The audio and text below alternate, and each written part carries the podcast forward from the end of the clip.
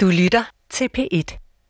Jesper, inden altså, vi revner af spænding, de to kasser, du har med, er der menneskeknogler i? Ja, der er menneskeknogler i. En yngre kvinde og en lidt ældre mand. To, som er forholdsvis velbevaret, så der er noget at se på. Der er noget at se på.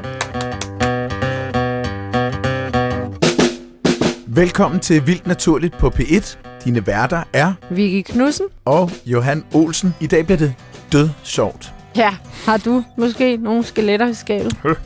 Vi skal i dag tale om øh, vores øh, forgængere her i Danmark. Mennesker, der for længst har levet deres liv og gået bort, og kun har efterladt øh, knogler i jorden. Mm. Man kommer meget let til at tænke på øh, Shakespeares udødelige Hamlet, Ja. hvor Hamlet jo står nede ved graveren og finder Yoriks kranie. Yorik, som øh, var Hamlets gamle skolelærer. Ja, man kaldte det nok ikke skolelærer der, det var jo prinsen, der skulle undervises. Men Yorick ligger nu der og er kun øh, knoglerne, der er tilbage. Mm. Og han taler om, at han husker hans øjne og hans læber, og nu er der ingenting tilbage. Så laver han upassende referencer til hans nære familie, som han har lidt problemer med. Men der må lytteren jo altså ty til Hamlet for at få detaljerne med. Øh, ja, det kan virkelig anbefales. Det er et fremragende teaterstykke. Det har også nogle år på banen. Ja, det kan Og, man no- sige. og nogle af de andre, vi skal møde i dag, har også nogle år på banen. Ja, det er det. Vi ved jo godt, at når vi dør, så bliver vi til knogler. Mest af alt. Ja. Alt andet, det forsvinder. Og der er fundet mange spændende knoglerester, ikke kun fra mennesker. Mm. Altså, det er jo også derfor, vi ved, der er gået dinosaurer rundt. Så alle os med et indre skelet, der kan vi blive klogere på, hvad der er sket før i tiden. Den gæst, vi har i dag, ved i høj grad noget om menneskeknogler. Og hvad det er, vi efterlader. Velkommen, Jesper Lier Bolsen, Tak. som er fra øh, Syddansk Universitet, professor og forskningsleder. Retsantropologisk afdeling, Retsmedicinsk Institut. Prøv at fortælle lidt om, hvad du arbejder med. Jamen, det jeg arbejder med er jo øh, rester af mennesker, først og fremmest fra den, Vestdanmark, det vil sige fra Storbælt og vestpå, mm. og først og fremmest fra de cirka sidste 1000 år. Så, så altså, der har jo været mennesker i Danmark i mere end 10.000 år, og Danmark er altså mere end hovedlandet og Fyn. Der er også noget herovre på Sjælland. Øh, men, men det er altså den øh, periode og de mennesker, som øh, jeg først og fremmest arbejder med. Ja. Og øhm, det, der er særligt ved den periode frem for andre perioder, er, at øhm, fra omkring 1050 blev Danmark sådan et kristent land. Vi blev officielt kristnet i 960, men det var der ingen, der Vi rigtig skulle lige vende os til det. Ja, vi skulle lige vende os til det. Det tog lidt tid. Det var der ikke rigtig nogen, der tog sig af, men fra omkring 1050, så var det. Og så fik vi kirkegård, og kirkegård er en fantastisk opfindelse, når man vil beskæftige sig med befolkninger. Ja. Fordi øh, det er jo sundhedsvidenskab meget af det, vi laver, men i modsætning til andre sundhedsvidenskabsfolk, så kan man sige, at vores klienter er uden for terapeutisk rækkevidde. Vi kan ligesom ikke gøre noget for dem. Nej, det er rigtigt. Jesper, lige hurtigt et spørgsmål. Øh, fordi øh, før vi så fik kirkegård og blev kristne, brændte man så de døde? Eller, Ja, og- altså det har man gjort til og fra. ja, Øh, man begyndte med, med det i, helt i slutningen af stenalderen, så det, gennem det meste af bronzealderen og jernalderen brændte man øh, folk. Så øh, i en forholdsvis kort fase i romersk jernalder begravede man folk igen, så begyndte man at brænde dem igen. Mm. Så kom vi op i vikingetiden, øh, og selvom de var aserdyrkere og sådan noget, som, som andre steder i, øh, i verden øh, brugt og lave ligebrænding, så begyndte de, påvirket af kristendommen og den kristne gravskik, at begrave folk. Men Okay. ikke på de her organiserede kirkegårde, hvor ligesom hvor der er en en-til-en sammenhæng mellem lokalsamfundet og kirkegården. Mm. Det er jo ikke sådan, at man kan læse øhm, den levende befolkning ud af de døde direkte. Fordi i en hver alder, når folk dør, så er det de svageste, der dør. Mm. Så en, der dør som 30-årig, er et skravl blandt 30-årige, og Ja. en, der dør som 80-årig, er en, et skravl som fir, for, blandt 80-årige. Mm. Så, så der er... Øh, det, det, ved, verden er ikke så slem, eller var ikke så slem, som den ser ud Som på skeletterne. se ud. Nej. Men altså, øh, 16.000 skeletter. Jeg vidste vidderligt ikke, at der var en samling på 16.000 skeletter. og Det er da for galt, at jeg først finder ud af det nu. Men hvordan har I fået skrabet sådan en diskret mængde skeletter sammen? Og hvor lang tid har det taget? Øhm, jeg er begyndt selv øhm, at samle skeletter, øh, sådan professionelt, da jeg var specialstuderende Okay, på Aarhus. gjorde du det så amatør før? Nu må jeg lige. Nej, det gjorde jeg ikke, men, men jeg havde arbejdet med skeletter sådan uddannelsesmæssigt Okay. før. Ja. Øh, I 1977, øhm, og et af de skeletter, jeg er med øh, i dag, stammer faktisk fra den udgravning. Det var i Viborg i 1977. Og så er det kommet, der var også en gruppe på det tidspunkt på det daværende Odense Universitet, som samlede skeletter. Øhm, og de er så ikke på universitetet mere, og så blev min samling, så først og fremmest var fra Jylland, kørt sammen med øh, den fynske samling der, og det blev så til cirka 16.000. Det er ikke imponerende. Nej, Fordi det er her det i. København har de mere end 30.000. Er det rigtigt? Og rundt omkring i Centraleuropa har de øh, skeletsamlinger med 100.000 skeletter. Så, så det, det er ikke, den er ikke specielt stor Nej. af en skeletsamling at være, men den er specielt velundersøgt. Og det er for, blandt andet fordi, ligesom dem i København, har vi et godt og tæt samarbejde med arkeologerne, så vi ved meget om de skeletter, mm. som vi har. Og men, det er jo begyndelsen til at kunne bruge dem til noget. Ja. Hvordan er de 16.000 så fordelt øh, ud over de 1000 år? Det er et godt spørgsmål. Der er sådan nogle klumper, ikke? Øh, der er kirkegårde, der bliver nedlagt omkring 1350 ved, ved pesten. ja. Så bliver der nedlagt kirkegårde i forbindelse med reformationen i 1500-tallet. Og så bliver der nedlagt kirkegårde øhm, omkring 1810 i forbindelse med en øh, kirkegårdsreform, vi havde der. Så det, Ja. det er en lidt andet, ikke? Der fandt man ud af, det var ikke så smart at have kirkegårde inde i byerne. Nej. Så flyttede man dem ud af. Og så lavede man for eksempel assistenskirkegårdene. ja. Men hvordan, hvordan er det så, når man nedlægger en kirkegård? Øh, så graver man så knoglerne op, eller hvad? Nej, hvis man bygger et hus ovenpå, øh, og øh, ellers gør det i nutiden, ikke? Altså, der er bygget mange huse oven på øh, gamle kirkegårde, hvor der ikke er gjort noget. Men, men øh, hvis man gør det i nutiden, ikke, så, så kommer arkeologerne og siger, at det der, det skal vi lige have undersøgt, og du skal venligst betale for det. Jeg kender nemlig en, en, øh, jeg har en ven, som var graver, og han, øh, han blev kaldt hen til en børnehave, hvor de skulle have gravet ud i kælderen. Og så vrimlede det med skeletter dernede, så de rigtigt? måtte have gravet over for kirkegården. Det var kirkegården lå helt op til, ja. Så måtte han ned og med en trillebør hælde knogler op og, og øh, køre dem hen et eller andet andet sted. Det vil jeg sige, det tror jeg egentlig ikke er helt lovmedholdeligt. De skulle have haft fat i det lokale museum. Skal vi lige klippe denne her ud af udsendelsen, så? Okay, men det kan jo være, at de har haft det. Det, Ja. det kan være, det, de- er, det, det ved jeg ikke. Det der er, det er, at øh, kirkegårde, de fleste øh, danske kirkegårde har ligget der i op mod 1000 år. Ja. Wow, Øh, de fleste kirkegårde. Ja. Der, der har været rigtig mange kirker allerede fra 1000-tallet. Ja. Og de, mange af dem er fortsat op til i dag. Ikke? Land, alle landsbykirkerne, og det er jo trods alt de fleste. Ja. Det, er, for, det er jo først forholdsvis sent, der, der kommer vækst i byerne, så der er mange bykirkegårde. Men, øh, men landsbykirkegårdene har ligget der i tusind år, og de har ikke ligget helt fast. Så har man udvidet dem, fordi der skulle laves flere grave og sådan noget, mm. og så har man indskrænket dem, fordi befolkningen måske blev lidt mindre, som den Ja. gjorde i 1300-tallet.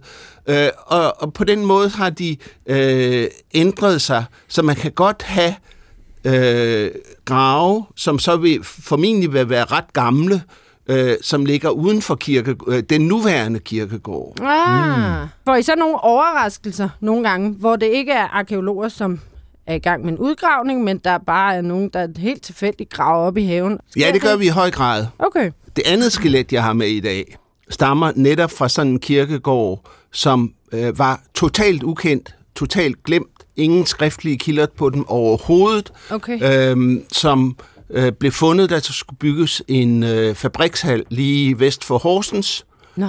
Og det er den eneste kirkegård i Danmark, hvor vi har den totalt udgravet. Vi har fundet to kirker, vi har fundet afgrænsningen af kirkegården, og godt og vel 600 grave.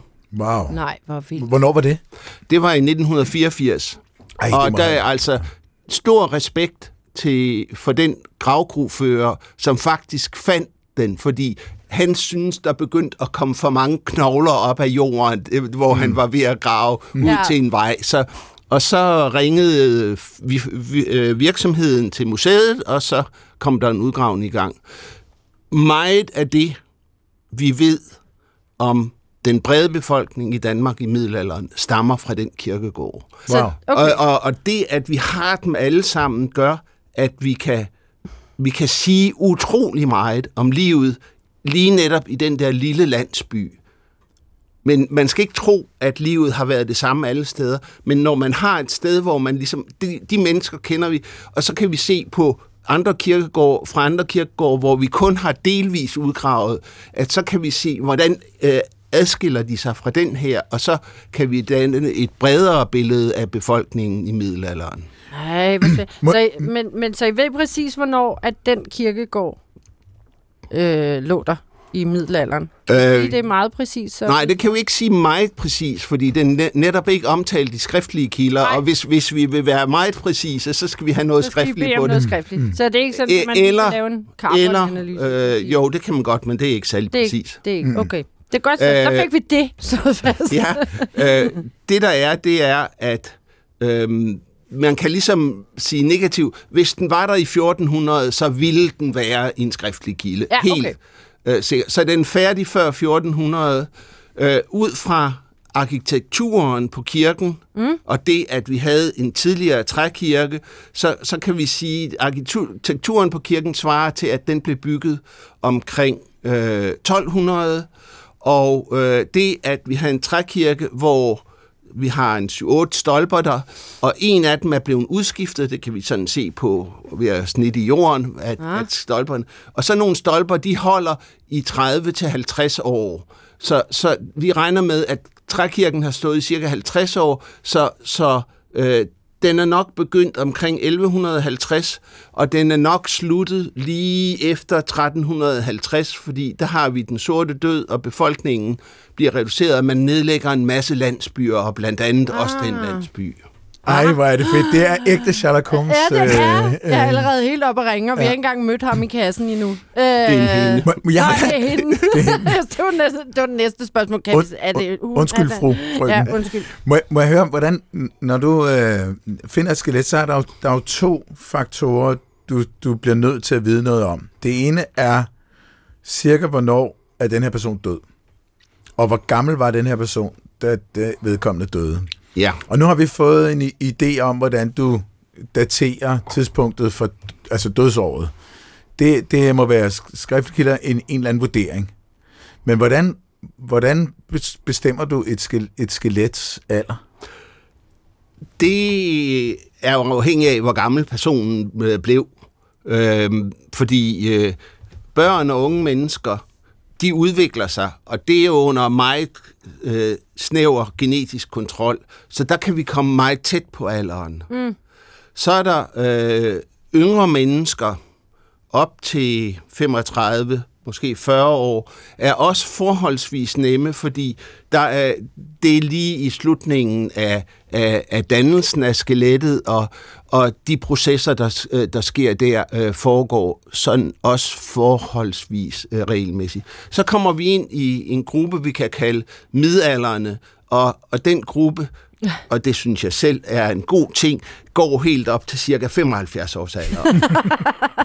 så så Tak man er midalderne fra man er 40 til man er cirka 75. Og jeg er I, stadig skelet- ung, så jeg er også tilfreds med udviklingen. Især i sådan i skeletal sammenhæng. Øhm, og øhm, i den gruppe er det meget svært at ellers bestemme. Ja, okay. Fordi det der er, det er, at mennesker, der ser gamle ud i deres skeletter, dør tidligere end mennesker, der i den samme alder ikke ser så gamle ud. Nej. Og det ved vi.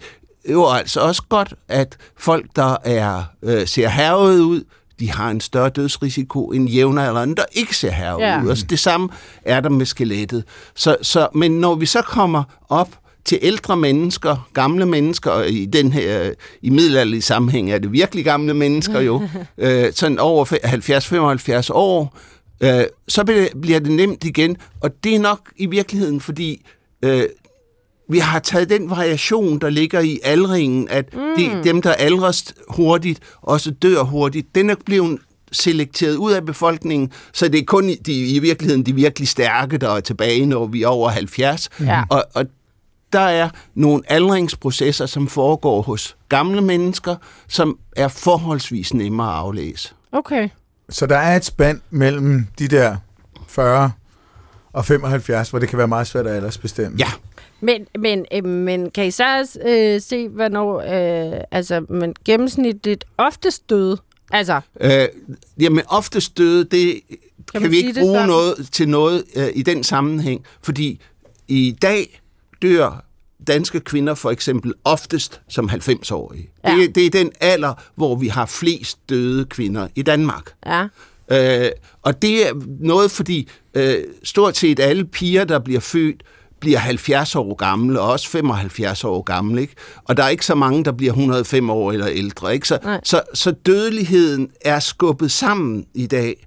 Ja. Vi, vi, vi, vi lever lang tid, og så, så dør vi stort set i samme alder alle sammen, mm. i meget grove termer naturligvis. Mm. I, når vi går tilbage ud i tiden, så var der dels jo en høj spædbørnedødelighed. Den var ikke så vanvittig høj i middelalderen, den blev højere senere op i tiden. Øh, men, men folk døde sådan jævnt spredt ud over alle aldre. Mm-hmm. Og det vil sige, at vi har mange døde teenager. Okay. Og i dag har vi stort set, heldigvis, ingen døde Nej. teenager. Du lytter til Vildt Naturligt på P1.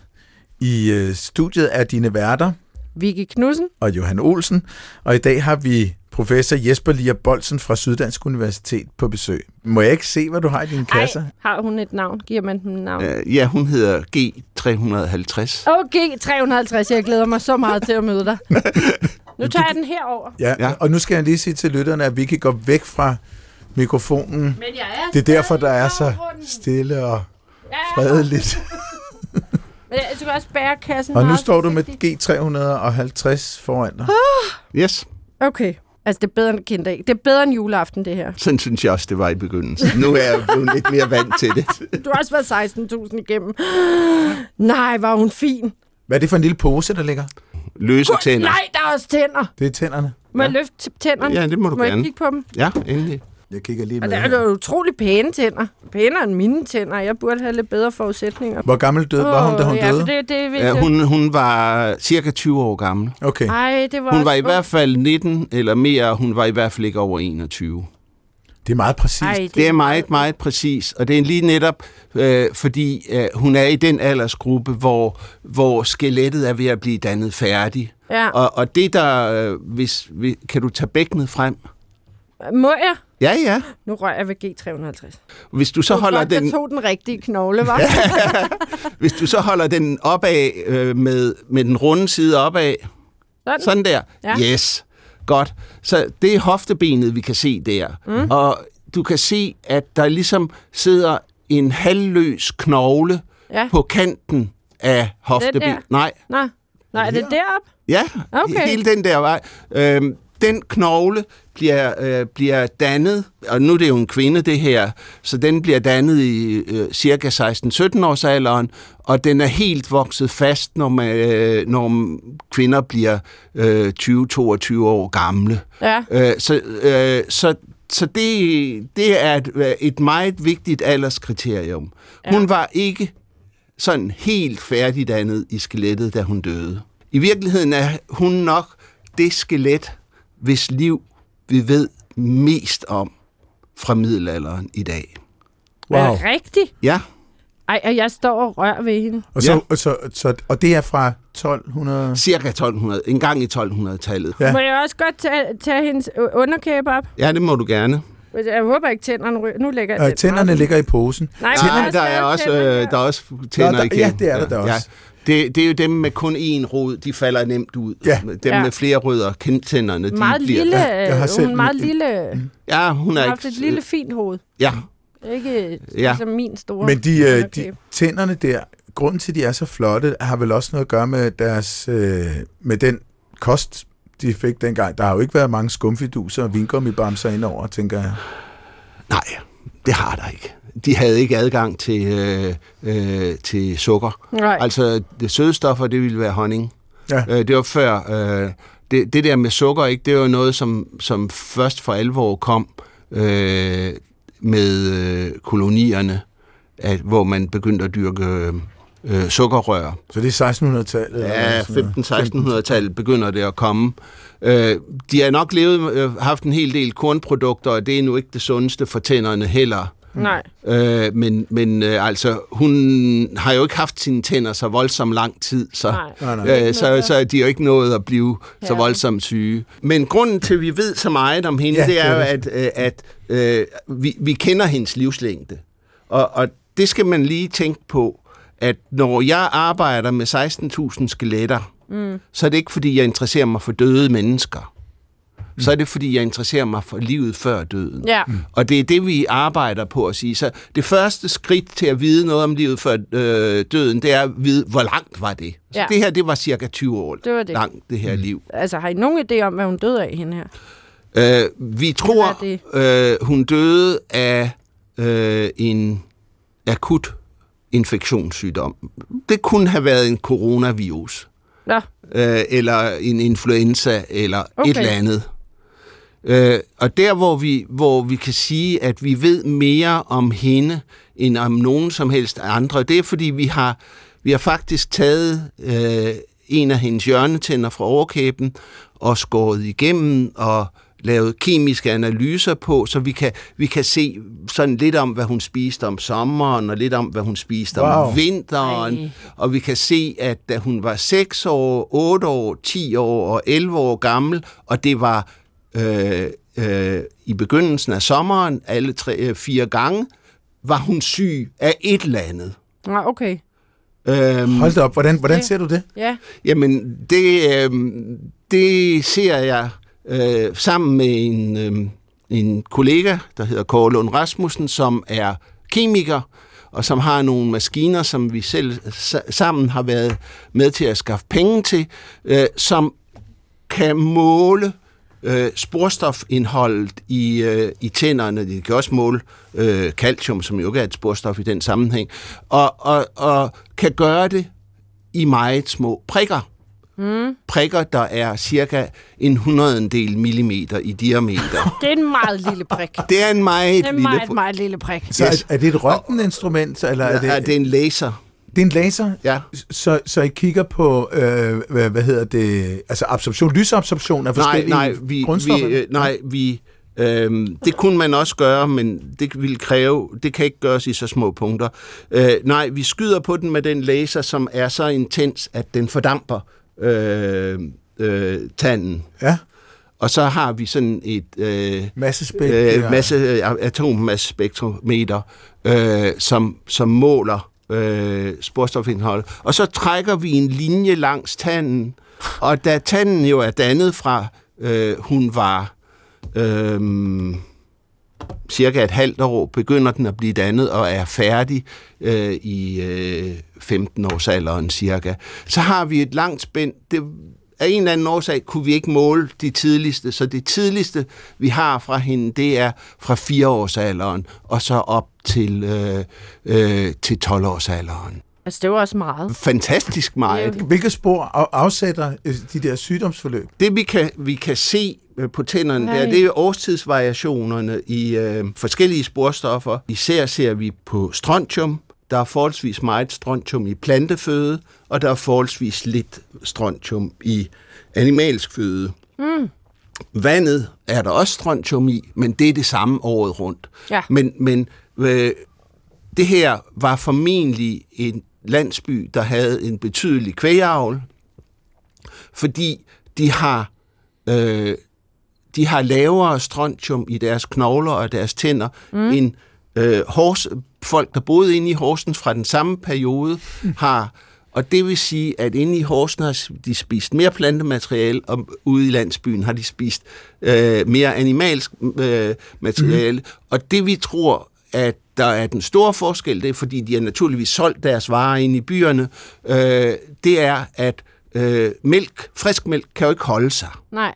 Så, så de kunne sælge ost og smør og alt sådan noget ind i byen, men øh, den friske mælk var de nødt til selv at, at, drikke. Ja.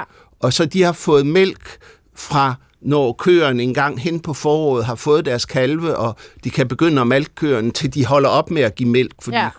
køer i middelalderen gav altså ikke mælk hele tiden. Nej, så, det var lidt så, øh, så en gang øh, hen på vinteren holder køerne op med at give mælk. Mm. Men i den periode, der falder deres strontiumindhold i tænderne.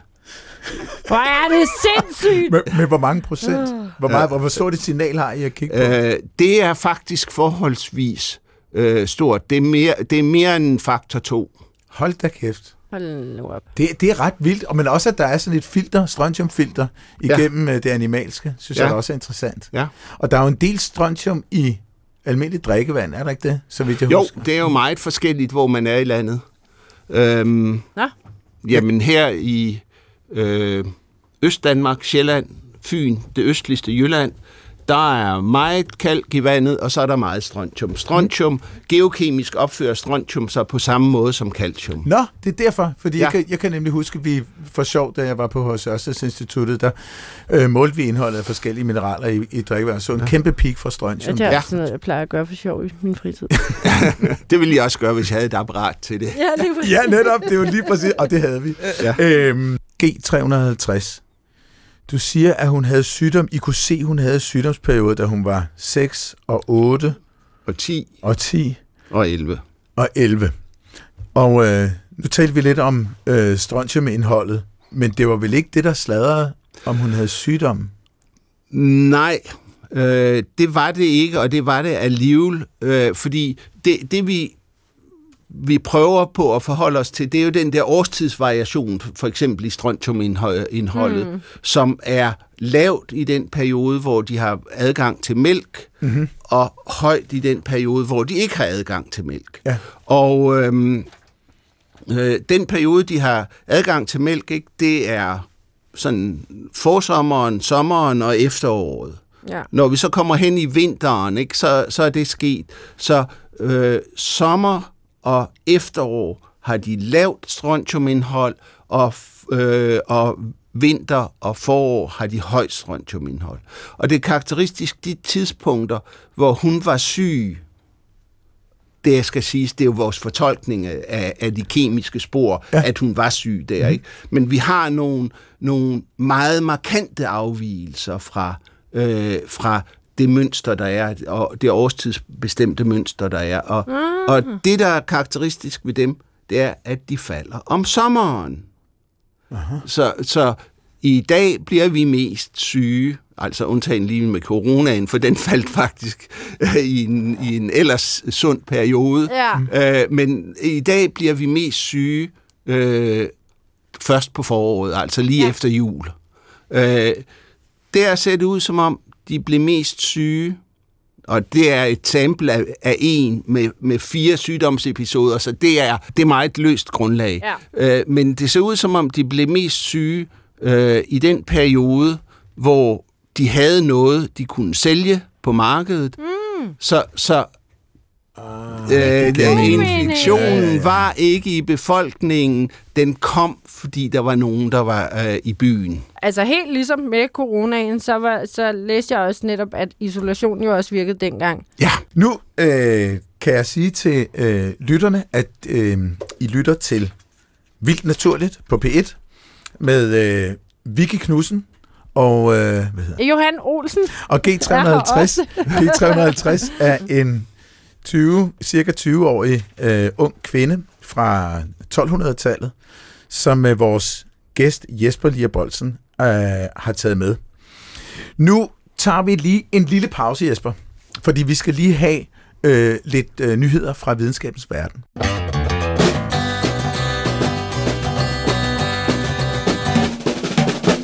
Jeg har en kort nyhed, Ja. men jeg bliver nødt til lige at fortælle om en gang, jeg var på Saltholm. Mm. Jesper, det skal du høre det her, fordi nu sagde du trods alt, godt sætte dig ind i entusiasmen første gang, man ser, altså, får lov at stå med sådan ægte menneskeknogler, der mm. har en historie bag sig. På Saltholm er der jo også, øh, har der også boet en masse mennesker, der bor ikke så mange mere, og der har også været pest og så videre derovre. Og der er en pest kirkegård. Der er sådan nogle huller. Altså Saltholm bliver ret oversvømmet nogle gange. Mm-hmm. Det er jo en lille bitte ø lige uden for København, og øh, øh, fantastisk naturområde. Og så øh, nede i et af de her huller, der ser jeg altså et menneskekranje. Toppen af et menneskekranje. Helt gulligt, og med, med de der flotte krakelerede ting i toppen. Mm-hmm. Og altså, jeg går helt i selvsving, ikke? Mm. Nu har jeg drømt om at blive arkeolog, siden jeg var lille, og blev så biolog. Men, og jeg er bare sådan, folkens, vi har fundet en fra Peskirkegården. Mm. Jeg hopper derned, og så skal I bare se løjer. Så det gjorde jeg, og, øh, altså, jeg var, og jeg var netop sådan, hvor skal jeg holde, for det går stykker, og vi Mm. skal jo have fat i altså Nationalmuseet og alt muligt. Mm. Og politiet. Ja, og politiet, og, og hiver så en, en virkelig gammel og krakleret øh, bold op. af- og, det, og det lignede så meget toppen af kranje, og den var helt Nej. krakleret og helt den rigtige farve. Altså, jeg er aldrig blevet så skuffet i hele mit liv. Vicky. Nå, men jeg følte lige, burde høre den historie. Så derfor er jeg ekstra glad for, at nu at holde G350 i mine hænder, fordi det har varet længe. Nå, jeg har taget en kort nyhed. Nu, gør, nu skal jeg nok gøre den ekstra kort. Men med øh, det her med fortid og nutid, og der er jo arter, der uddør ude i naturen. Og derfor forsøger man sig jo også med kloning. Og den 6. august, som jo er min fødselsdag, Mm-hmm. der kom Kurt til verden. Kurt. Ja, og Kurt er simpelthen den første klonede Przewalski-hest. Przewalski. Przewalski-hest. Mm-hmm. Jeg vil bare sige Przewalski-hest, fordi det er sådan lidt svært at udtale. Przewalski-hest. Hest. Og øh, jeg i studiet for lige lov til at se et billede af Kurt. Helt bedårende følge. Nå. Så den er klonet simpelthen. Ja, det er jo ligesom den sidste øh, ægte vilde hest, vi har tilbage. De andre er uddøde. Nå, det er og den derfor. Her, det er Og simpelthen... den her er jo i fare for at uddø. Ah. Altså, der er jo mange af de store øh, Yes. planteder, der er uddøde, og omegafauna og alt ja. muligt, der er forsvundet. Og Przewalski-hesten er ligesom den sidste ægte vilde hest. Og dem er der ikke mange tilbage af. Og, øh, og så derfor har man simpelthen forsøgt at klone den. Øh, og, og Kurt har så en øh, surrogatmor. Flot rød hoppe. Øh, Kurt er i øvrigt opkaldt efter Kurt Bernischke, som netop var forsker på Frozen Zoo, der netop gemmer alt det, man nu skal bruge mm. til at, øh, at klone nogle dyr. Så har de simpelthen brugt det her 40 år gamle genmateriale til at klone Kurt. Er, er den hest faktisk uddød? Er det det eneste individ? Nej, nej, der er nogen rundt omkring. Okay. Alle levende, det står hernede, alle levende heste er i familie med 12 Przewalski-heste, født i det vilde. Deres genetiske diversitet er lav, det er klart. Jeg kan ikke rigtig slå øh, nuttighedsfaktoren, som vi overhovedet ikke. Til gengæld så er der en vis aktualitetsfaktor, fordi jeg har nyheden om verdens ældste seng, Jesper. Okay. Og, og verdens ældste seng er fundet i Sydafrika. Og den er, hold nu fast, 275.000 år gammel. Der har man simpelthen fundet i en grotte, hvor der boede homo sapiens, har man fundet deres sengeleje. Og det sjove ved det sengeleje er, at det er lavet af strå, græs, halm, men under det er der aske. Der er både aske af forskellige øh, typer træ, og så er det her halm. Og forskerne øh, ved ikke, hvorfor det der aske er der, men man ved, at der, er- der er noget forkullet kamfertræ, man ved, at røgen fra kamfertræ, øh, det, det skræmmer insekter væk, så det er muligt, man har gjort det. Øh, det er muligt, man bare har brændt gamle senge af, gammel halm af og lagt nyt ovenpå. Øh, men det kan jo også godt være, at irriterende kryb holdt sig fra asken, eller asken måske ligefrem havde en steriliserende effekt. Det, det er som min fuldstændig halvstuderede idé om, at det kunne jo være sådan noget. Fordi omkostninger, omkostninger ved at ligge på en seng med en masse aske er jo, at sådan noget, det smitter af på huden eller tøjet. Mm. Det, man bliver jo noget sort i det, Men tænker jeg. Måske god camouflage.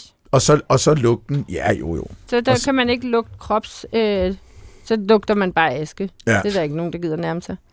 Så, så øh, læste jeg mig også frem til, at det græs, øh, sengen var lavet af, det er af arten Panicum maximum, som er øh, en græs, der stadigvæk vokser i nærheden af den her hule. Men jeg elskede det latinske navn. Panicum maximum, maksimal panik. Så panicum maximum, det betyder nok noget andet. Nu skal... Det er fedt. ja, det er ret godt. Verdens ældste seng. Nu skal vi tilbage til dagens emne. Jesper Lia Bolsen er vores gæst, professor ved Syddansk Universitet, og øh, har i sin samling 16.000 skeletter fra, ja, de er cirka maksimalt 1000 år gamle, ikke også? Jo. Hvad, hvad er de nyeste egentlig? Vi har nogle få, et enkelt helt skelet, som er fra øh, midten af det 20. århundrede, altså Nå, okay. øh, en god halv hundrede år gammel. Nå, okay. Det var alligevel rimeligt nyt, trods alt. Ja, Fordi jeg, jeg interesserer jeg vel også mest for dem, altså før den skriftlige periode. altså mennesker før man- er interessante altid. Ja, det er de selvfølgelig altid. Og øh, jeg har ikke nogen grænse for, hvor nyt og hvor gammelt det skal være for at være interessant. Okay. Men, men det er helt klart, hvis jeg vil studere sygdomme, som jeg meget gerne vil studere, og jeg vil studere det i nutiden, mm. så vil jeg prøve at se i vores registre, ja. I stedet for at se på folks skeletter. Ja. Det er lidt længe at vente.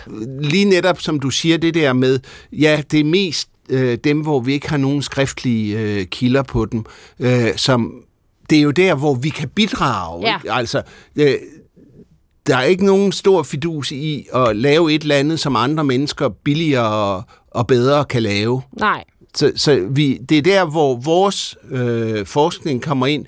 Det, det, det lukker et hul i vores forståelse af, øh, af de mekanismer, som har været styrende øh, for menneskers liv øh, igennem historien. Mm. Og som jo altså også er de mekanismer, som gør, at vi er, som vi er i dag.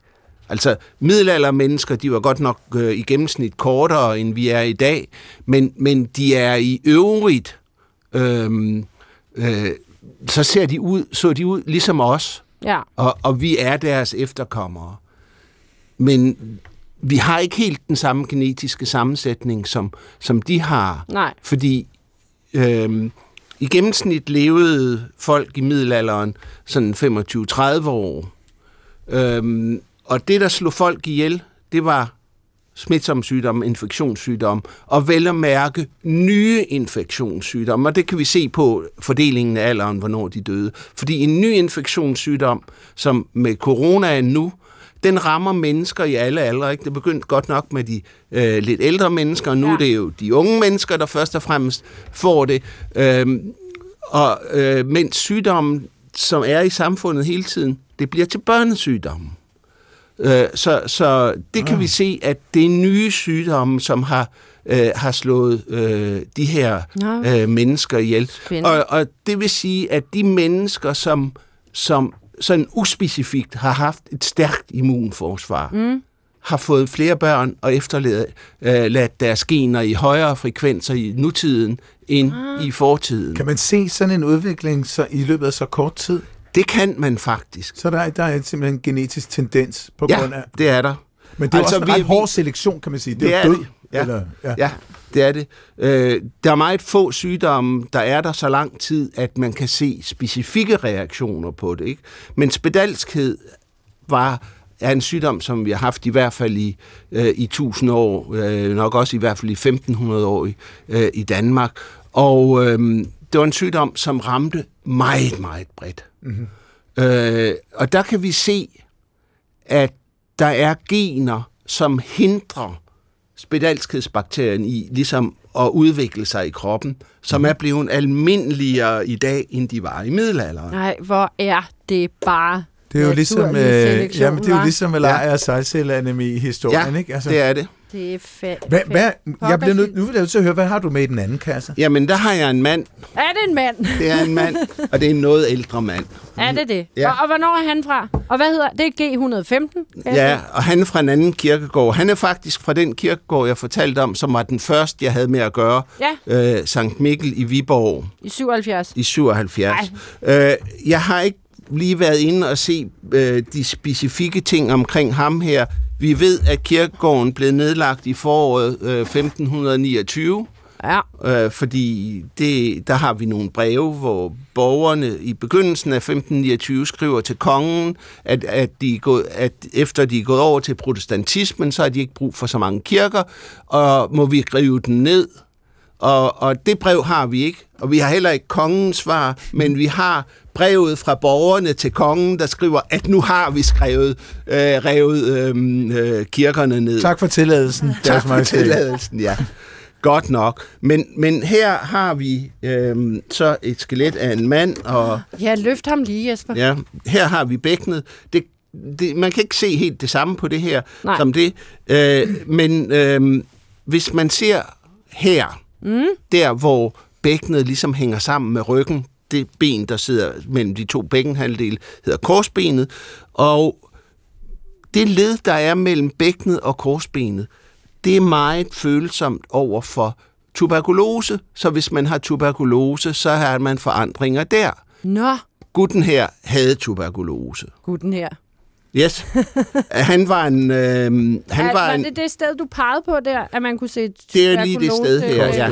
Ja. Ja, man kan også se det her, og der er også andre steder, man kan se det. Man kan Ja. også se det øh, på rygvivlerne. Jeg kan ikke lige sige, og den her er ikke godt nok bevaret, til man kan se det. Nej. Men øh, altså, det hul, du kan se her på rygvivlen, Ja. det skyldes tuberkulose, og de huller, der er her, skyldes også tuberkulose. Hold da kæft. Er, er det direkte påvirkning fra bakterien, eller er det... Det er direkte påvirkning Hvor fra er bakterier. det Så hele kroppen bliver inficeret af den her bakterie? Ja, det er det.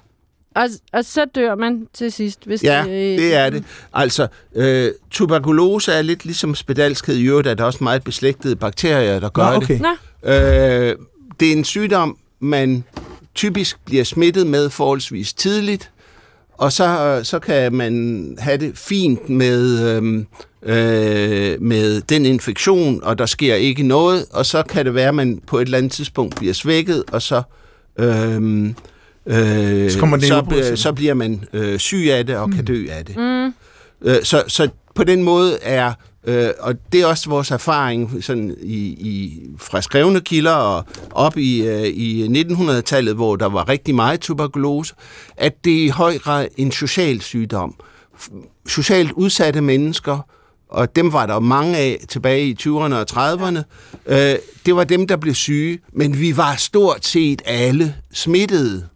Jeg er sådan fra begyndelsen af 50'erne, og jeg var formentlig også selv primært smittet med tuberkulose. Jeg har aldrig haft noget, og ja, sandsynligheden for, at jeg får det i dag, er, er forsvindende jo. ja. Men, men øh, på den måde, så, så er det en sygdom, som, som har to årsager i virkeligheden. Det er en sygdom, som man skal være smittet. Man kan, hvis man ikke har været smittet med tuberkulose, så får man jo ikke tuberkulose. Nej. Men, men hvis man er smittet, behøver man ikke at få det, fordi øh, man kan, øh, der skal noget sær, en udløsende faktor til, og den er ofte sådan levevilskår, Ja. socialt bestemt. Det vil sige, at hvis, hvis, jeg, hvis jeg taler med et familiemedlem over 80 for eksempel, Ja.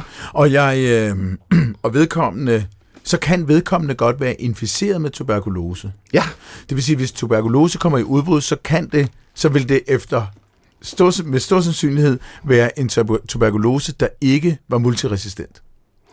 Fordi Det, på nej, det, det, vil jeg, det vil jeg sige, fordi øh, øh, vi passer så nogenlunde godt på den danske befolkning i, i, i dag. Så, så øh, dem, der får tuberkulose, vil typisk være nye infektioner. Mm. Fordi når man har levet til man er 80 år, og måske, mm. det vil sige, i de 75 af de 80 år, har levet med sine tuberkulosebakterier, så skal der nu noget helt ekstraordinært til, for at de breder sig. Ja. Okay. Men, men hvis der kommer en ny stamme, som måske er mere aggressiv og sådan noget, ikke, så, Okay, okay. så er det. Så man er ikke omvandrende medicinsk museum. Nej, det er man ikke. måde. Nej. Det er man nok ikke, nej.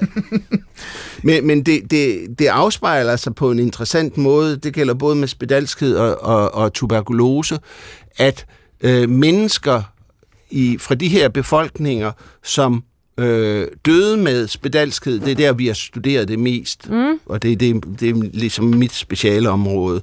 Det der med tuberkulosen har jeg haft en phd studerende der har arbejdet med for nylig. Ja. Øh, men øh, med spedalskhed er det sådan, at aldersfordelingen af mennesker, døde, der døde med spedalskhed og uden spedalskhed, er nogenlunde den samme. Nå, Øh, det der er, det er, at øh, fra nogle registerdata fra Norge, hvor de havde spedalskhed op øh, til omkring 1920, øh, der ved vi, at i Norge, i Vestnorge, og det var ude på landet, det var ikke nede i Bergen, øh, der, øh, og, og det var før antibiotisk behandling og alt sådan noget, gennemsnitsalderen ved debut med spedalskhed var omkring 35 år.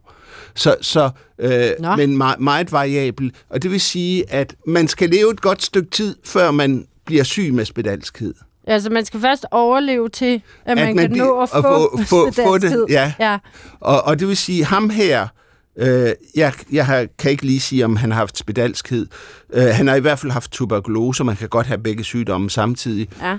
Øhm, han har levet længe nok til, at han nåede at blive syg med, med, med sin tuberkulose. Ja. Og det er ikke usandsynligt, men det er ikke noget, vi kan sige, at det er det, han er død af. Nej. Det kan lige så godt være, at det er ligesom med hende her, at der kom en eller anden influenza eller corona eller en anden virussygdom forbi, som, som han var jo en lavt hængende frugt for sådan en, så, mm. så det døde han lige af. Ja. Hva, sagde du, undskyld, at- at men blev han... Be... Han, nu skal jeg lige Øh, sagde tage vi noget noget, hans lidt, alder? øh, lidt, Sagde lidt det? knogle frem for at sige, øh, hvor gammel han øh, var. Han, Hvis du står her med en Ja, lårbindsknogle, jeg En synes, lår- med en ret ja. stor knogle. en ret stor knogle, en venstre lårben. Ja.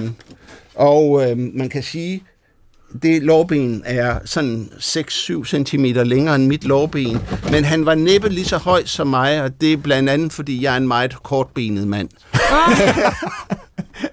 Jeg har en kort overkrop og utrolig lange ben, så ja. Ja. sådan er det lidt forskelligt. Sådan er det så forskelligt, ja. Med det, med det, men okay, jeg, jeg, det har slet øh, jeg har ikke engang overvejet det med, at det først ramte i en bestemt alder. Jeg ved ikke, om jeg skal føle mig lidt intimideret af, at øh, jeg har jo for eksempel aldrig haft øh, skoldkopper. Så er det. det skal du ikke føle Nu er dig jeg intimideret af. 34, men jeg fik også lusingesyge, som også er en børnesygdom, da jeg var altså godt op i 20'erne. Så Ja. det kan være, at jeg bare... Late bloomer. Jeg var immun som barn, og så tager jeg dem bare senere. Ja, Der er det bedre at tage dem som barn, har jeg hørt rygter Det har om. jeg også hørt. Jeg ja vil sige, det, det, var... det, det ved jeg ikke altså, fordi øh, de sygdomme, som vi kender som børnesygdomme, øh, er, er lige så meget voksensygdomme. Det, det er på grund af epidemiologien, at de bliver børnesygdomme, Ah. fordi når de er i, syg, øh, i befolkningen hele tiden, Ja, så er det jo de modtagelige, der får den, og det er de små børn. ja. Øh, og vi, der så øh, er levet videre, og vi, øh, vi får det ikke, fordi vi har haft det som børn, og så øh, er vi immune. Og så er der mig.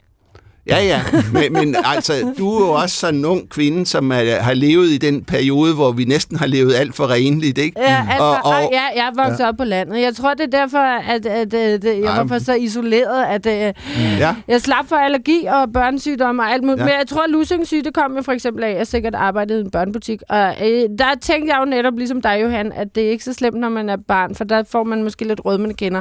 Jeg fik øh, feber, kvalme, ømme muskler og skallede al huden af hænder og fødder og næsten hele Ej. kroppen. Altså, det så jeg fik det rart. sådan, Nej. den grældeste øh, udgave, man kunne få det. Ikke? Ja. Og det troede jeg var, fordi jeg var voksen. Jamen, det kan det, det godt. kan godt være, ja. ja. Du lytter til øh, Vildt Naturligt på P1. I studiet har vi, Vicky Knudsen. og, Johan Olsen. og så er jeg gæst i dag, og jeg hedder Jesper Lier Bolsen, og jeg er fra Syddansk Universitet. Et af de projekter, du er gang i nu, er City Dwellers Ja, ved Viborg, og at der var meget højere dødelighed bare inden for to kilometer afstand. Ja, en meget stor del af, øh, af øh, de kirkegårde, der lå inden for bymuren i Viborg. Dem, der er begravet derpå, de voksne, der er begravet derpå, øh, tre fjerdedel af dem ser ud, som om de er født uden for, øh, for byen. Nå. For den her kirkegård, hvor, hvor vores ven her, G115, kommer fra, lå faktisk lige uden for, øh, øh, for bymuren. Og de har et kemisk signal, som, som hvis de var en landsby. Ja, Mens dem, der er inde i byen, de har et andet kemisk signal. Og altså det, igen på kosten. på kosten, Ja. ja. Øh, eller forureningsstoffer i virkeligheden. Ja. Fordi der, hvor vi først og fremmest kan se det på, er på kover, og, og kover er ikke sådan noget, vi spiser hjemme, Nej, men det- er noget, som hvis, hvis man har nogle gryder, i hvilke der er kover, og det har de åbenbart haft i byerne og ikke ude på landet, så, øh, øh, så kan man se det på knoglerne. Og, og når man så går ind og laver lidt det samme, som vi har lavet der med tænderne på 350, men på knogler, øh, for knogler er jo levende øh, organer også, som omdannes hele vejen gennem livet, mm. og vi kan se på, hvilke dele, der er omdannet tidligt i livet, og hvilke dele, der er omdannet sent i mm. livet. Og, og vi kan se på nogle af de mennesker, der er begravet på kirkegårdene inde i byen, at hovedparten af deres knogle har næsten ingen kover, men nogle af de sidste dele, der er dannet, de er, øh, der, der er kover i dem. Det er Hvor er tilflytterne. det vildt. Så, så det er tilflytterne, og det er der, hvor vi kan sige, jamen, øh, men de her tilflyttere, de har tilbragt langt det meste af de øh, dele af deres liv øh, andre steder, fordi det, vi, kan, vi kan blandt andet se på børnene inden for byen, som jo er født og opvokset der, de har masser af kover Der i er deres kover over det hele, ja. Der er kover i det. Så de der, og vi kan sådan, sige- det ser ud som om, at man flytter til byen, og inden for fem år, så dør man af det. Det er jo fuldstændig fantastisk. Det her er ikke noget, I har fra nedskrevne kilder, vel? Nej, det Altså, er det overhovedet ikke. Så jeg har ikke anet, at byboere skulle være udsat for mere kover end Nej. landsbyboere. Overhovedet ikke. Vi har nok tænkt det med, med bly, fordi øh, øh, bly kommer ind sådan arkeologisk, ved vi, med det, der hedder blyglaseret keramik, og det er sådan noget, som først kommer til byerne, og så breder det sig ud på landet. Så Ja. der er både tid og, øh, og sted øh, øh, i det. Men, men det med kover, det vidste vi ikke. Hvorfor er de ikke kover på landet? Det kan være, at de lavede deres mad i lerkar og ikke i øh, metalgryder. Ja. Ja. Fordi metalgryder har jo nok været forholdsvis dyre. Dyre, ja, lige præcis. Der er jo igen noget social status. Og tænk, Det er der. at det bare kan aflæses. Jeg ved godt, det måske ikke er så vildt naturligt spørgsmål, jeg vil stille dig nu, men, men jeg synes stadigvæk, det er interessant. Jesper, hvordan forholder du dig til døden? Du har arbejdet et helt liv, hvor du, hvor du har øh, haft så meget, så mange menneskers livsbane øh, bane og deres død inde på livet. Har, har, for, fornemmer du, at du har et andet forhold til døden end os andre, som måske er lidt berøringsangst? forhold til livet og døden er, er jo to sider af samme sag, Ja, og, og det er jo et dybt spørgsmål, du kommer med der. Øh, hvis jeg må begynde lidt langt tilbage i mit liv. Øhm, da jeg begyndte, og det var før, jeg, øh, før 77, da jeg begyndte at arbejde med skeletter og lære om skeletter, der havde jeg lige fået øh, mine første børn, og der kunne jeg overhovedet ikke have at arbejde med børneskeletter. Nej. Fordi børn skal ikke dø. Nej. Og, når man står med sine egne børn, Ja. ikke, så... Øh, så det, det gik for, til, det, det er jeg kommet over, fordi mm. ellers kunne jeg ikke øh, dyrke mit erhverv, fordi halvdelen af, af dem, der blev født i middelalderen, døde før de blev voksne. Det er jo et tros øh, spørgsmål, hvad, hvad man tænker om døden og sådan noget. Jeg har nok den holdning, at uanset hvor man er i livet, uanset hvor meget ateist man måtte være, så bygger det også på en tro. At være ateist er også en tro. Det er et menneskeligt vilkår, at vi ikke kender de grundlæggende forhold i verden. Mm. Dengang jeg læste filosofikum, kan jeg huske, at en af de ting, jeg lærte der, det var, at man ikke kan bevise Guds eksistens. Mm. Og derfor kan man heller ikke bevise, at Gud ikke, Gud ikke eksisterer. Mm. Så det er en trossag. Jeg tror, når man dør, så holder man op med at være Ja. ens krop, øh, altså det, øh, det er rigtigt nok, at øh, det er kun knoglerne, vi kan finde, Ja. men, men resten af kroppen bliver jo, indgår også i naturens kredsløb. Ja. Og det er rent faktisk sådan, at nogle af de stoffer, som øh, er i øh, kroppen, kan man rent faktisk finde ved siden af knoglerne. Der er nogle stoffer, som slet ikke bevæger sig i jorden. For eksempel kviksøl. Nå, Så, så hvis en person har været be, øh, øh, behandlet med kviksøl, så kan man se det, på, og, det og det gjorde man for eksempel mod spedalskhed. ja. Øh, så, det kan man, se- så kan man se det i jorden ved siden af. øh. simpelthen i mulden der. ja, Gud, hvor er det vildt. Ja. en, en meget sjælden gang finder man at når man graver et skelet ud, som især hvis det har ligget under meget beskyttede forhold og sådan noget, så kan man se skyggen af, af det bløde væv Ja. ja. i, i jorden, som, som øh, noget, der har en lidt anden farve. Ja, ja. Men, men, men altså, jeg tror, når man er død, så er man død, og så er Ja. man væk. Det er jo sådan, at vores enkelte liv bliver jo styret af livsbegivenheder, Ja. mens befolkningens liv bliver jo styret af sandsynligheder. Mm. Og øh, hvis man skal leve evigt, så bliver en hvilken som helst tænkelig sandsynlighed realiseret på et eller andet tidspunkt. Så får man alle verdens sygdomme og alt andet øh, skidt, der kan ske i verden. Også alt godt, ikke? Sådan, men, men, men alle re- sy- sandsynligheder bliver realiseret. Og det synes jeg måske ikke er en god tanke. Den der vil jeg gerne slutte udsendelsen på. ja, den og var der er, meget, noget, meget der er noget for lytterne at meditere over. tænke over. Øhm, Så, øhm, så Vicky, skal vi ikke sige tak for i dag? Tusind tak for i dag. Jeg er stadig overvældet, og jeg har ikke engang hilst på G115 endnu. Det er godt, det ikke er mig, der arbejder med skeletter, for jeg har givet alle 16.000 et navn. Det var en kæmpe fornøjelse. Tusind tak for i dag. Hvis du har lyst til at høre vores øh, udsendelser, inklusive denne her, så kan du høre det på din favorit podcast dealers et eller andet app. Og øhm, hvis du har lyst til at skrive ros eller spørgsmål til programmet, så kan du gøre det på til vildnaturligt snabelag dr.dk. Og med det vil Vicky Knudsen. og Johan Olsen sige tak til Jesper Lier Bolsen, som var vores gæst i dag, og tak til lytterne for jeres tålmodighed. Og så vil vi gerne sige tak til Carsten Nielsen, vores voksenven og producer. Du kan høre flere P1-podcasts i DR's radio-app. Det giver mening.